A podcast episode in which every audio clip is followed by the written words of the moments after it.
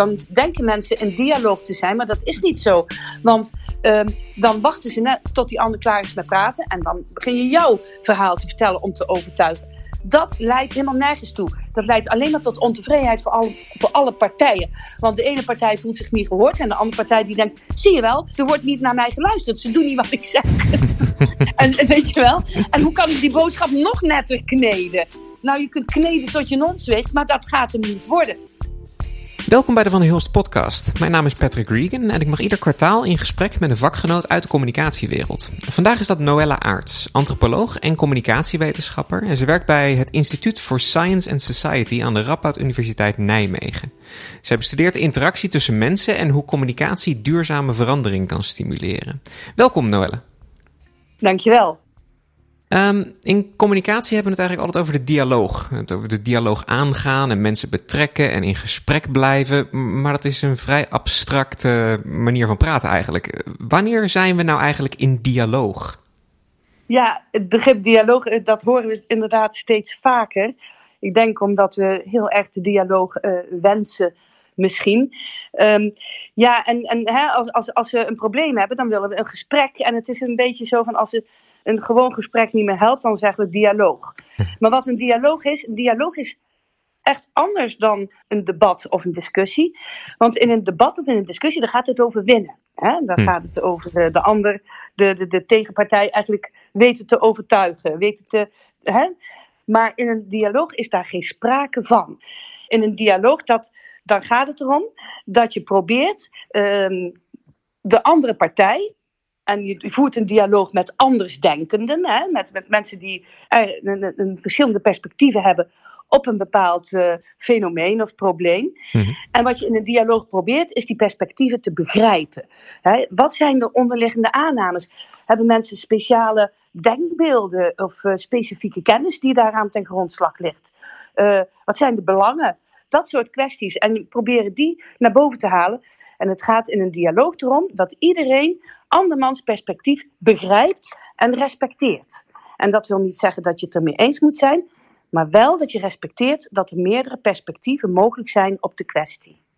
Dat um, respecteren begrijp ik waarom dat belangrijk is, maar waarom is het belangrijk om de ander te begrijpen? Nou, weet je, um, wij zijn. Uh, dat is eigenlijk ook iets, uh, ja, iets intermenselijks. Hè? Wij, zijn, uh, wij leven hier allemaal in de wereld. We leven allemaal in grote onzekerheid. Dat gold al voor de Neandertalers. Hè? Die, en, en, hè? die zaten in hun grotten van: Goh, uh, wat gebeurt hier allemaal in de wereld? Maar dat geldt voor ons ook. Wij zitten ook met kwesties die wij uh, die ons heel onzeker maken over de toekomst. En dat maakt dat mensen met, mensen met elkaar verhalen gaan maken om die onzekerheid te reduceren. En dat doen wij met elkaar. En om die onzekerheden en die angsten te reduceren, ja, daar kruipen wij in een sociale omgeving. En wij moeten dus begrijpen, wat zijn de verhalen die wij vertellen? Wat zijn de verhalen die daaraan ten grondslag liggen? En wat staat er nou eigenlijk voor die mensen echt op het spel? Maar dan... Ik kan wel een voorbeeld geven ja, ja. hoor. Ja, graag. Misschien ook wel heel actueel. Hè, van, uh, um, nu heeft, uh, uh, afgelopen woensdag heeft Geert Wilders de PVV heeft de verkiezingen gewo gewonnen. En iedereen heeft het nu. En de PVV stemmen dit en dat. Maar die zijn er natuurlijk ook in alle soorten en maten. En het is heel belangrijk om die PVV-stemmers te begrijpen. Hè? Er zijn PVV-stemmers die uh, echt het hele programma van de PVV hebben doorgeplozen en daar helemaal achter staan. Maar er zijn ook PVV-stemmers die, uh, laten we zeggen, om, om, om veel meer om voor hen deelbelangen, deelangsten op op de PVV hebben gestemd. Omdat ze bijvoorbeeld per se niet willen dat GroenLinks de grootste wordt. Want dan is het gauw gedaan met, met, laten we zeggen, hardrijden in de grote steden. Ik noem maar wat, hè. Of noem niet zomaar wat, dat, dat zijn argumenten. Die hoor je op straat. En dat is ook logisch. Dus dat maakt van, we moeten goed begrijpen waarom mensen de dingen zeggen die ze zeggen en waarom ze de dingen doen die ze doen. Want dan komen we misschien ook uh, laten we zeggen, in het gesprek op punten waarin we die ander ook daadwerkelijk begrijpen, omdat we allemaal mensen zijn hè, en misschien ook voor een heel belangrijk deel dezelfde angsten en onzekerheden hebben. En dan gaat dialoog dus over in gesprek gaan met mensen die um, anders naar dingen kijken om elkaar te begrijpen. Dat snap ik. Maar het is ook zo dat. En uh, je weet er meer van dan ik, dus verbeter het vooral als ik ernaast zit. Maar volgens mij zijn we ook wel steeds meer met mensen binnen onze eigen uh, gedachtegoed en onze eigen kring gaan praten. Of dat nou door social media of door de maatschappij komt, dat, dat doet er eventjes niet toe. Maar dat maakt dus ook dat we die dialoog die dialogen misschien niet alleen moeilijker, die, die gaan we ook gewoon niet meer aan als we het alleen maar hebben met, of als we alleen maar praten met mensen die net zo denken als dat wij doen. Precies, en dat is, daarom is precies ook die dialoog tussen andersdenkenden zo nodig. Want het is helemaal waar wat je zegt. Dat doen mensen in zijn algemeen. Hè? Als wij ons, uh, wij, wij omringen ons met een sociale omgeving. Um, en uh, dat zijn ook onze vrienden. En dat zijn onze vrienden, want dat is OSM. Dat is ons soort mensen. Hè? Mensen die het met ons eens zijn, want anders waren het onze vrienden niet. Dat was vroeger ook al zo. Hè? Je had de zuilen enzovoort. Hè? Maar vroeger had je ook nog plekken waar mensen elkaar toch nog tegenkwamen. Hè?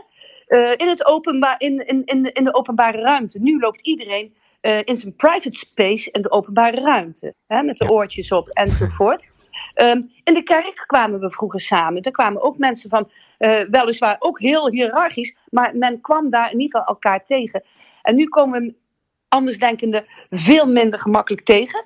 En uh, de, de, de gelijkgestemden, die, uh, die, die kunnen zich elkaar veel gemakkelijker vinden in een soort olievlekken.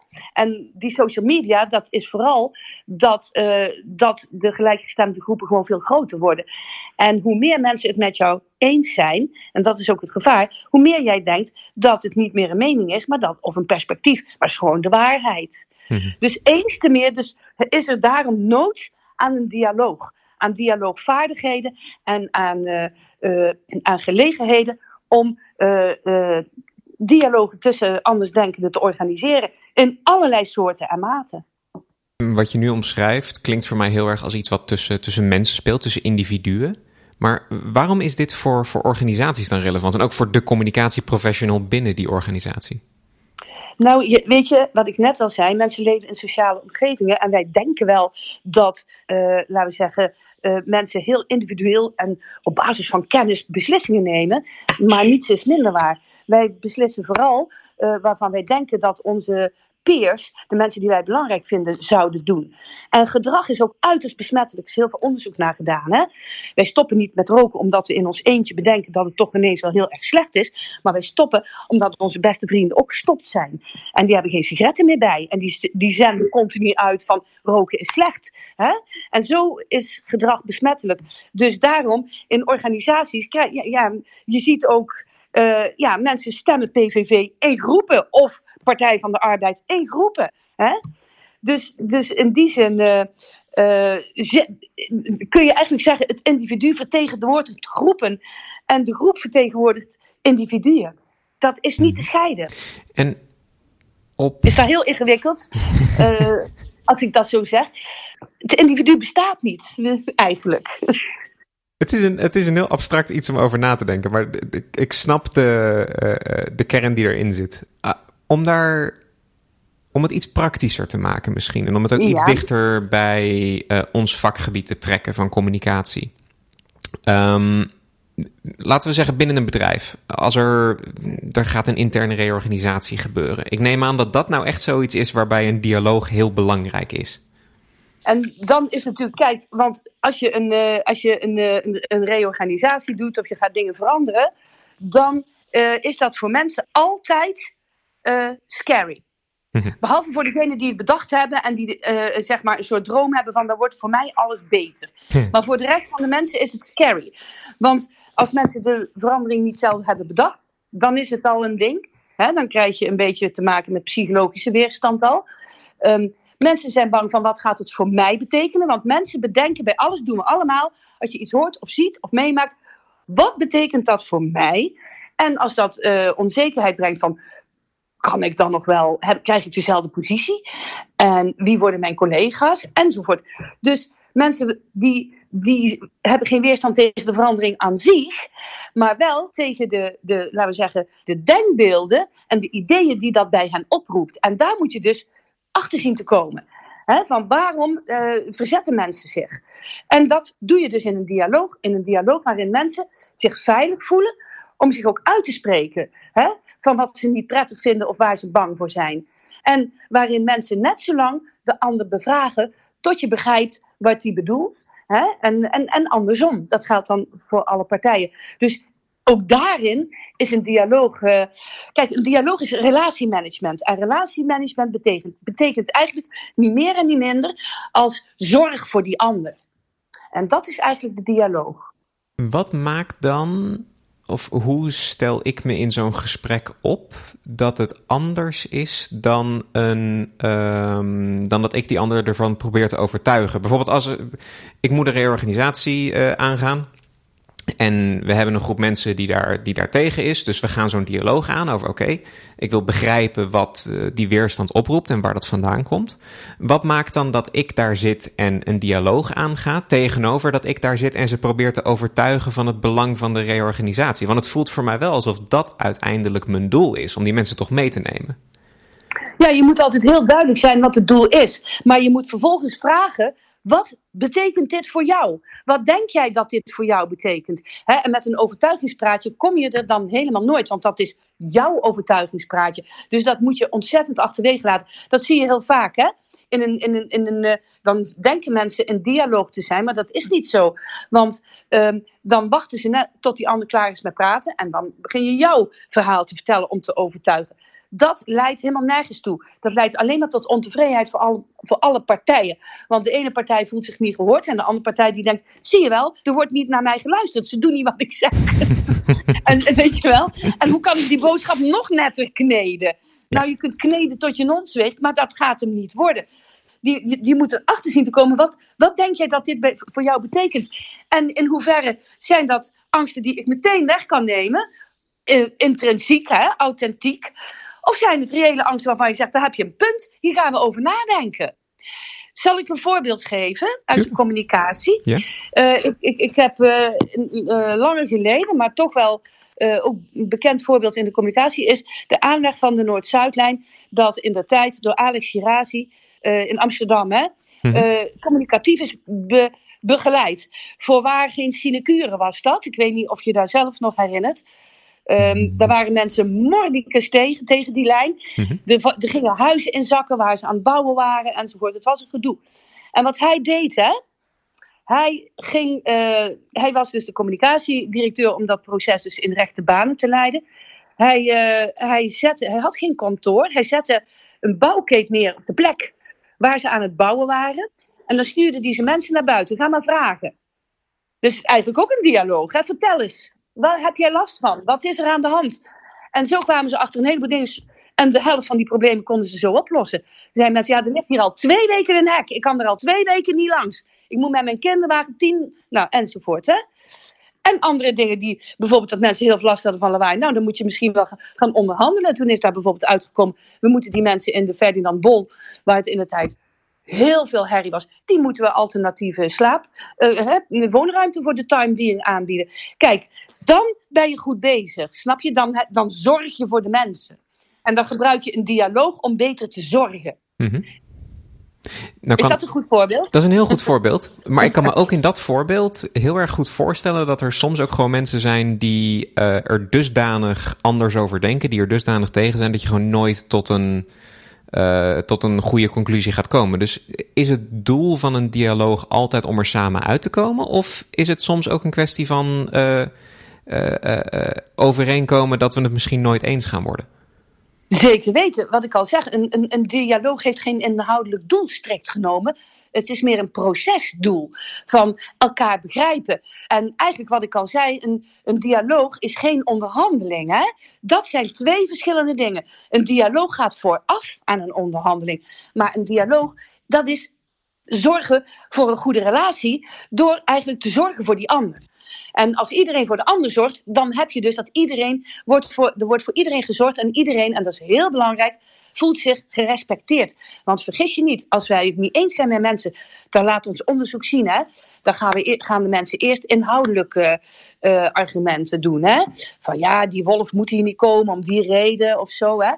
Maar als mensen merken die overtuigingsstrategieën die werken niet, dan gaan ze over op beledigen. Zonder dat ze het zelf in de gaten hebben vaak. Dat noem je ook gewelddadige communicatie. Hè?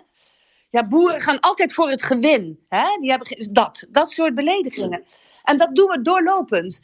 Dus wij realiseren ons ook niet dat als het gaat om communicatie tussen andersdenkenden, dat gekwetste en kwetsbare identiteiten misschien nog wel een grotere rol spelen dan de inhoud op zo'n moment. en, en, een dialoog dat gaat over respect en over identiteiten. He, Remkes, in de tijd, had uh, toen die met, probeerde met, voor de boeren op te komen, mhm. die heeft een rapport geschreven wat eigenlijk puur gaat over begrip voor de gekwetste identiteiten van die boeren. En dat werkte heel goed. Kijk, en heel de wereld aan je eigen vader meekrijgen, dat is nog nooit geen mens gelukt. en dat, dat is natuurlijk ook, het is niet alles of niets. Ik denk meer, uh, uh, graag in meer of minder. Dat is wat haalbaarder ook. ja, ja, ja. Dat is ook wel waar, hè? Hoe zorg je er dan voor, of hoe um, onderken je dan welke mensen of groepen of individuen je, dat, je die dialoog mee aan moet gaan? Ik bedoel, ik neem aan dat je niet gewoon ergens mee begint en dan maar afwacht totdat er iemand begint te schreeuwen en dan in gesprek met ze gaat. Ik denk dat het iets eerder zou moeten, zou moeten gebeuren.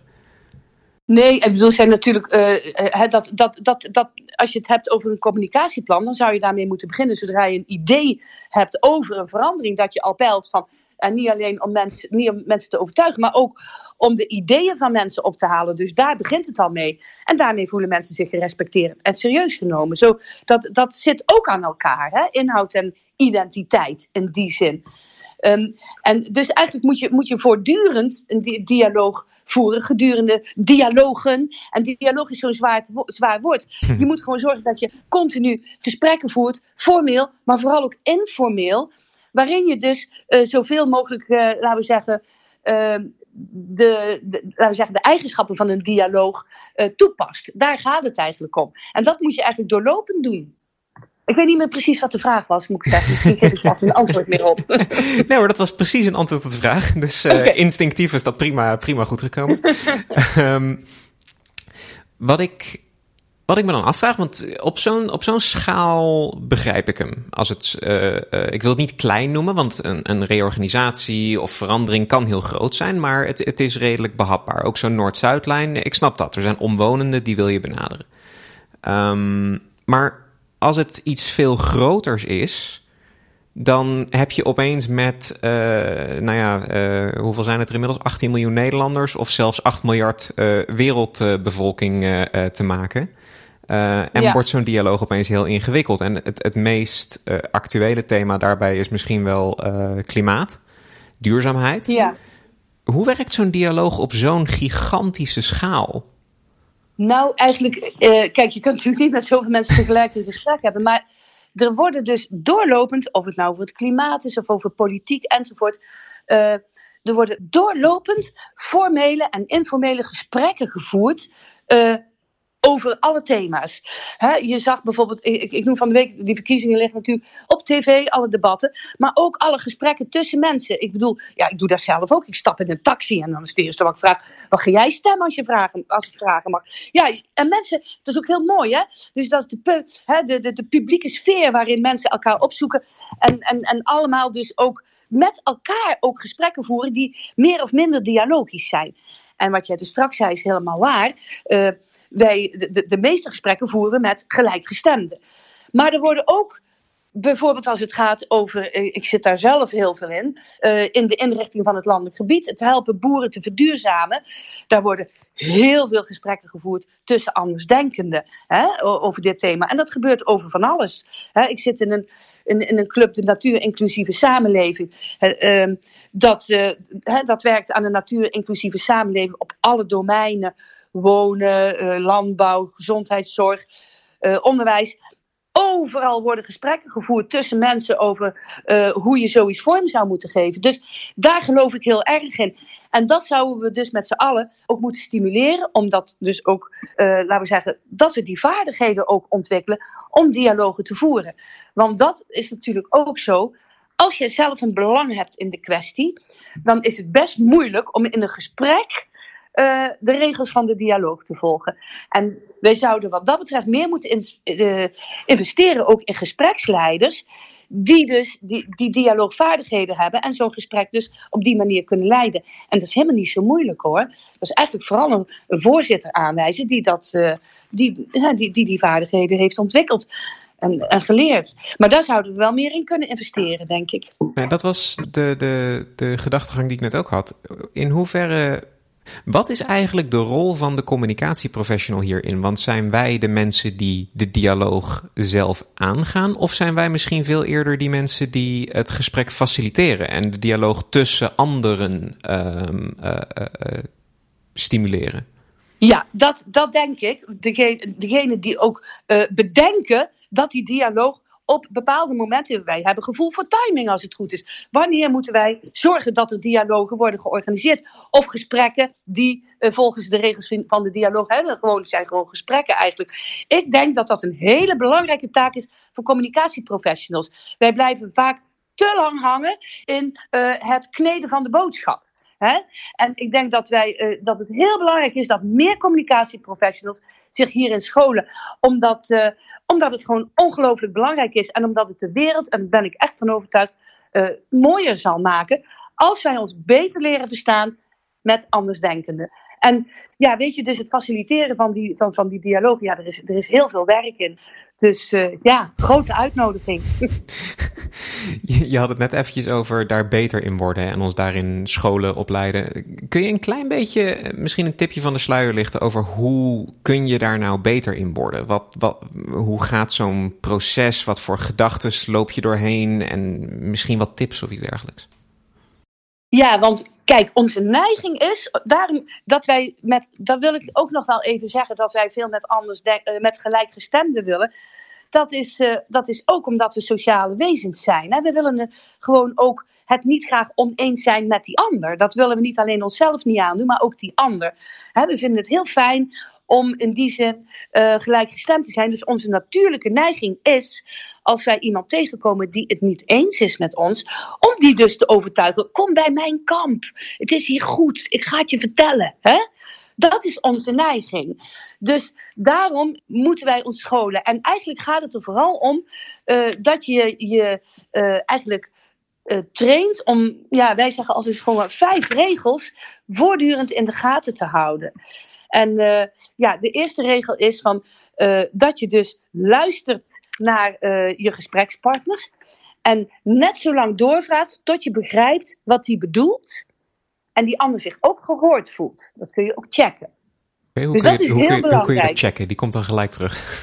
Nou, die komt dan gelijk terug. Dat kun je checken. Kijk, je kunt het checken door te vragen: van, begrijp ik je zo goed? En hè, dat, dat van, en dan kan, zo nodig je mensen uit om, om, om toe te voegen of te zeggen, nou misschien zus of zo. Ja. Hè, dat je daar echt oprecht aandacht aan besteedt. En dan moet je dus de neiging om te drukken. Zelf kom je straks aan de beurt. Je komt ook aan de beurt, maar ja, even ja. niet. ja, dat, is, dat is het moeilijkste stukje. Ja, dat is heel moeilijk. Daarom moet je jezelf trainen. Je moet je je internaliseren. We hebben dan meer moeten internaliseren wat best moeilijk is in ons leven. dat kan er heus wel bij. Ja, ja. Maar, en de tweede regel is van accepteer dat er meerdere perspectieven op de, op de zaak zijn. Ik heb geleerd van een Afrikaanse filosoof, een collega, en die zei: Joh, jullie zijn zo behept met waarheid. Wij spreken, ik spreek zoveel liever van perspectieven, want waarheid, er is er maar één van. En perspectieven, die vullen elkaar aan. Ja, dat is een heel mooi inzicht. Dus beschouw het verhaal van een ander als een aanvullend perspectief en exploreer dan ook naar de zin daarvan. Dus meerdere uh, perspectieven accepteren. Dan ga op zoek naar onderliggende aannames, normen, mm -hmm. waarden. Hè, wat ligt ten grondslag aan de argumenten die mensen uh, naar voren brengen? En onderzoek niet alleen die van anderen, maar laat ook die van jezelf onderzoeken. Dit is allemaal wederkerig. Hè? Mm -hmm. Dus dat, dat is bijvoorbeeld, kan ik me zo voorstellen, als je het dan hebt over boeren. Um, begrijp wat er in het dagelijkse leven van een boer omgaat. Waardoor ja. hij misschien anders denkt over dingen dan dat jij er als stedeling die uh, bij de Albert Heijn zijn, uh, zijn boodschappen doet, uh, over nadenkt. Ja, precies. Maar bijvoorbeeld ook als, als, als, als uh, hè, toen zei Tjeerd te Groot van D66, we, halveren, we willen de veestapel halveren. Dan is die boer furieus, want zijn aanname is dan, dat betekent de helft van mijn inkomen en dan ben ik failliet. Terwijl je kunt natuurlijk, dat, dan is de discussie niet, dat is, uh, hè, zou ook kunnen dat je zeggen, als je eraan toevoegt, halveer de veestapel en het vlees wordt twee keer zo duur, dan heb je al een andere, dan kan je die aanname al wegnemen, bij wijze van. En dan gaan we kijken wat we dan voor het vlees gaan vragen, ik noem maar wat, hè. Uh, en de melk, en, en de boter, en de eieren. Maar dus, dus dat, dat ook, hè? Van, mensen reageren ook vanuit zekere aannames. Dit betekent dus voor mij dat en dat. Mm. Ja. En daar, daar valt dan misschien wel heel goed over te praten. Dus zo creëer je mogelijkheden voor oplossingen. Mm -hmm. Dus dat was uh, nummer drie. Nummer vier is, neem emoties serieus. Wij leven in een wereld waarin het allemaal gaat om cognities, argumenten, punt 1, punt 2, punt 3, punt 4. En dat moeten we dan heel rustig zeggen. De wereld zit vol met emoties. En emoties zijn de ultieme communicatiemiddelen. Ja, je, je hoeft iemand niet serieus te nemen natuurlijk als hij met een geweer, snap je, als die de grens overschrijdt en uh, fysiek of wat er ook wordt. Hè. Maar als iemand, uh, uh, laten we zeggen, een emotie toont, dan worden wij een beetje bangig. Terwijl emoties zijn de ultieme communicatiemiddelen. Daar zit altijd verschilligheid achter.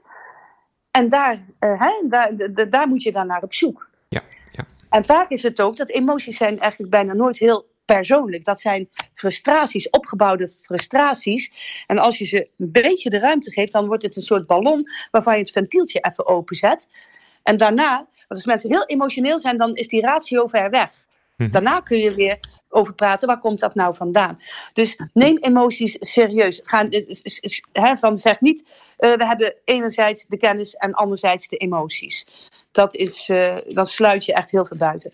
En dan de laatste, dat is um, een dialoog is niet vrijblijvend. Spreek met elkaar een vervolgstap af. Mhm. Of een conclusie. En liefst een vervolgmoment. Want wat ik al zei, het is relatiewerken. Een dialoog is geen probleemoplossing. Is, uh, is, is een zorgen dat je in goede verstandhouding bent en blijft. Ja. Dus spreek een vervolg, maak een volgende stap. Al is die maar heel klein, jongens. Over een maand komen wij weer bij elkaar. Of gaan we een biertje drinken. Of, hè? Mhm. of uh, weet ik wat. Hè? Ja, ja. Of we maken groepjes. Of weet ik wat. doen ze ook heel vaak. Nee, maar dat is inderdaad een hele logische spreek- en vervolgstap af. Dus als ik ze, uh, als ik ze alle vijf uh, uh, resume, waarbij ik nummer twee vergeten ben, blijf doorvragen totdat je de ander echt begrijpt. En de ander zich gehoord voelt. En de ander zich gehoord voelt, ja. Dat is een belangrijke toevoeging. Ja, ja. Dus blijf doorvragen totdat je de ander echt begrijpt en de ander zich ook gehoord voelt. Begrijp waar de ander vandaan komt. Ja, perspectieven. Hè? Dus, perspectieven, ja. Aanvaard dat er verschillende perspectieven zijn. Dus die ander heeft een ander perspectief, wat er ook mag zijn. Je hoeft het er niet mee eens te zijn, maar je moet wel accepteren dat het er is. En dan neem emoties serieus. Logisch, ja. die spelen net zo belangrijk mee. Um, zo niet belangrijker. Uh, en dialoog is niet vrijblijvend, spreek een vervolgstap af. Ja, en ga op zoek dus naar onderliggende aannames, angsten. Hè? Ja, ja. Belangen, hè, wat, wat staat er op het spel voor de mensen? Dat vind, mensen hebben het gevoel van oei, hè, er gebeurt iets. Om dan eigenlijk nog één stap verder te nemen. Want we zijn er nu uh, eigenlijk vanuit gegaan dat er. Uh, of we hebben het heel vaak gehad over groepen die dan ook wel die dialoog aan willen gaan. Um, ik denk dat we best kunnen stellen dat er maatschappelijk steeds meer groepen zijn die helemaal geen zin hebben in die dialoog. En die misschien zo anders denken um, dat die dialoog vrijwel onmogelijk is. Um, wat moet je daar dan mee?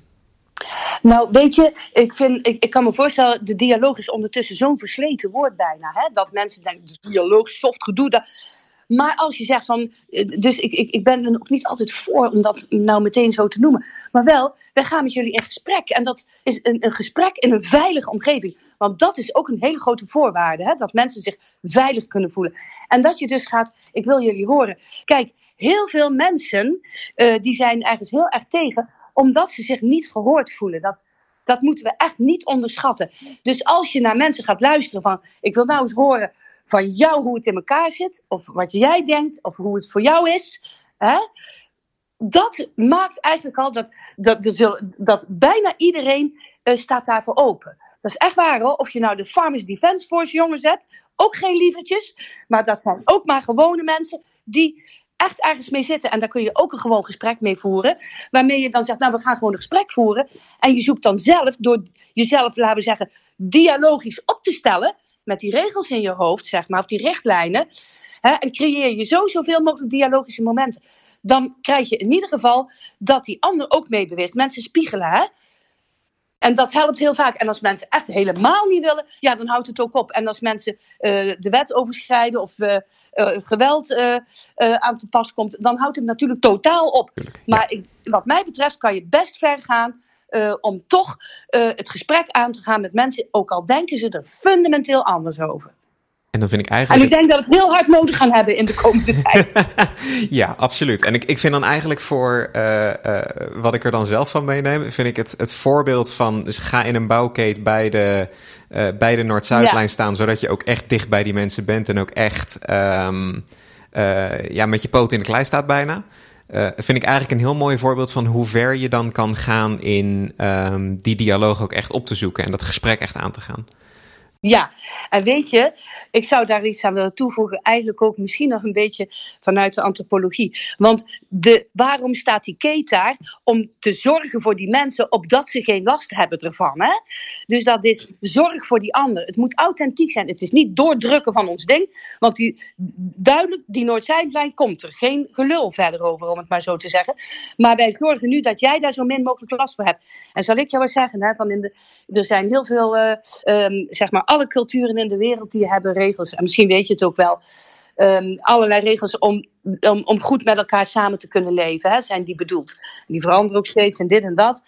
Maar er is één regel die alle culturen met elkaar gemeen hebben. Hè? En weet je welke regel of dat is? Hè? Die in alle culturen geldt, dat is zorg voor de ander. En die hebben wij zo'n beetje vertaald, toch nog een beetje egoïstisch bij ons. Waar jij niet wilt dat u geschiet, doet dat ook een ander niet. Maar hè, er zit nog wat egoïsme in. Maar we kennen die regel allemaal. En ik denk dat dat heel belangrijk is. Klinkt misschien soft, hè? Maar ik denk wel dat we een mooiere wereld krijgen. En dat als iedereen zich meer gehoord, gezien en geholpen wordt, ja, dan denk ik toch wel. Dit is een hele mooie, hele mooie blik naar de toekomst. Maar als we. Uh, dan ga ik je meer realistisch vragen. Als je echt als realist naar de toekomst kijkt en ziet hoe het nu gaat. En ja, ook inderdaad met verkiezingen die net geweest zijn. Ja. Um, ben je optimistisch over uh, de dialoog in de toekomst of misschien toch niet? Nou, ik ben wel optimistisch dat mensen dit altijd zullen nastreven. Want, uh, weet je, uh, mensen organiseren zich in continu zelf. Hè? Wij denken wel dat de structuren, als er structuren zijn, denken we al gauw dat ze van bovenaf zijn opgelegd. Ik vertel jou, de meeste structuren zijn zelf georganiseerd. En wat dat betreft spreek ik met Rutger Bregman. De meeste mensen deugen.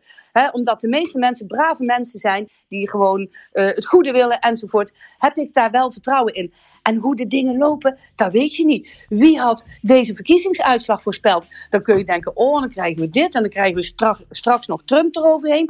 Wat gaat dat worden? Maar misschien gebeuren er ook alweer hele andere dingen. En ik geloof in de kracht toch wel van de mensen. Hè? En ik vind ook dat we daarin moeten blijven geloven. Want uh, ja, uh, ik vind gewoon, je moet hoop houden. En die hoop is er natuurlijk altijd. Want wij kunnen, thanks to God, de toekomst niet voorspellen. Achteraf is die altijd zo gemakkelijk te voorspellen. Hè? Dat is ook een valkuil. Maar wij weten niet wat er gebeurt. Onwijs bedankt voor het luisteren naar de Van der Hilst podcast. Wil je op de hoogte blijven van alle interviews? Abonneer je dan in je favoriete podcastspeler. De Van der Hilst podcast is van voor tot achter gemaakt door mij, Patrick Regan, in opdracht van Van der Hilst Communicatie. Je vindt Van der Hilst op Twitter, LinkedIn en Facebook en natuurlijk op het web via hilst.nl. Dank voor het luisteren en tot de volgende!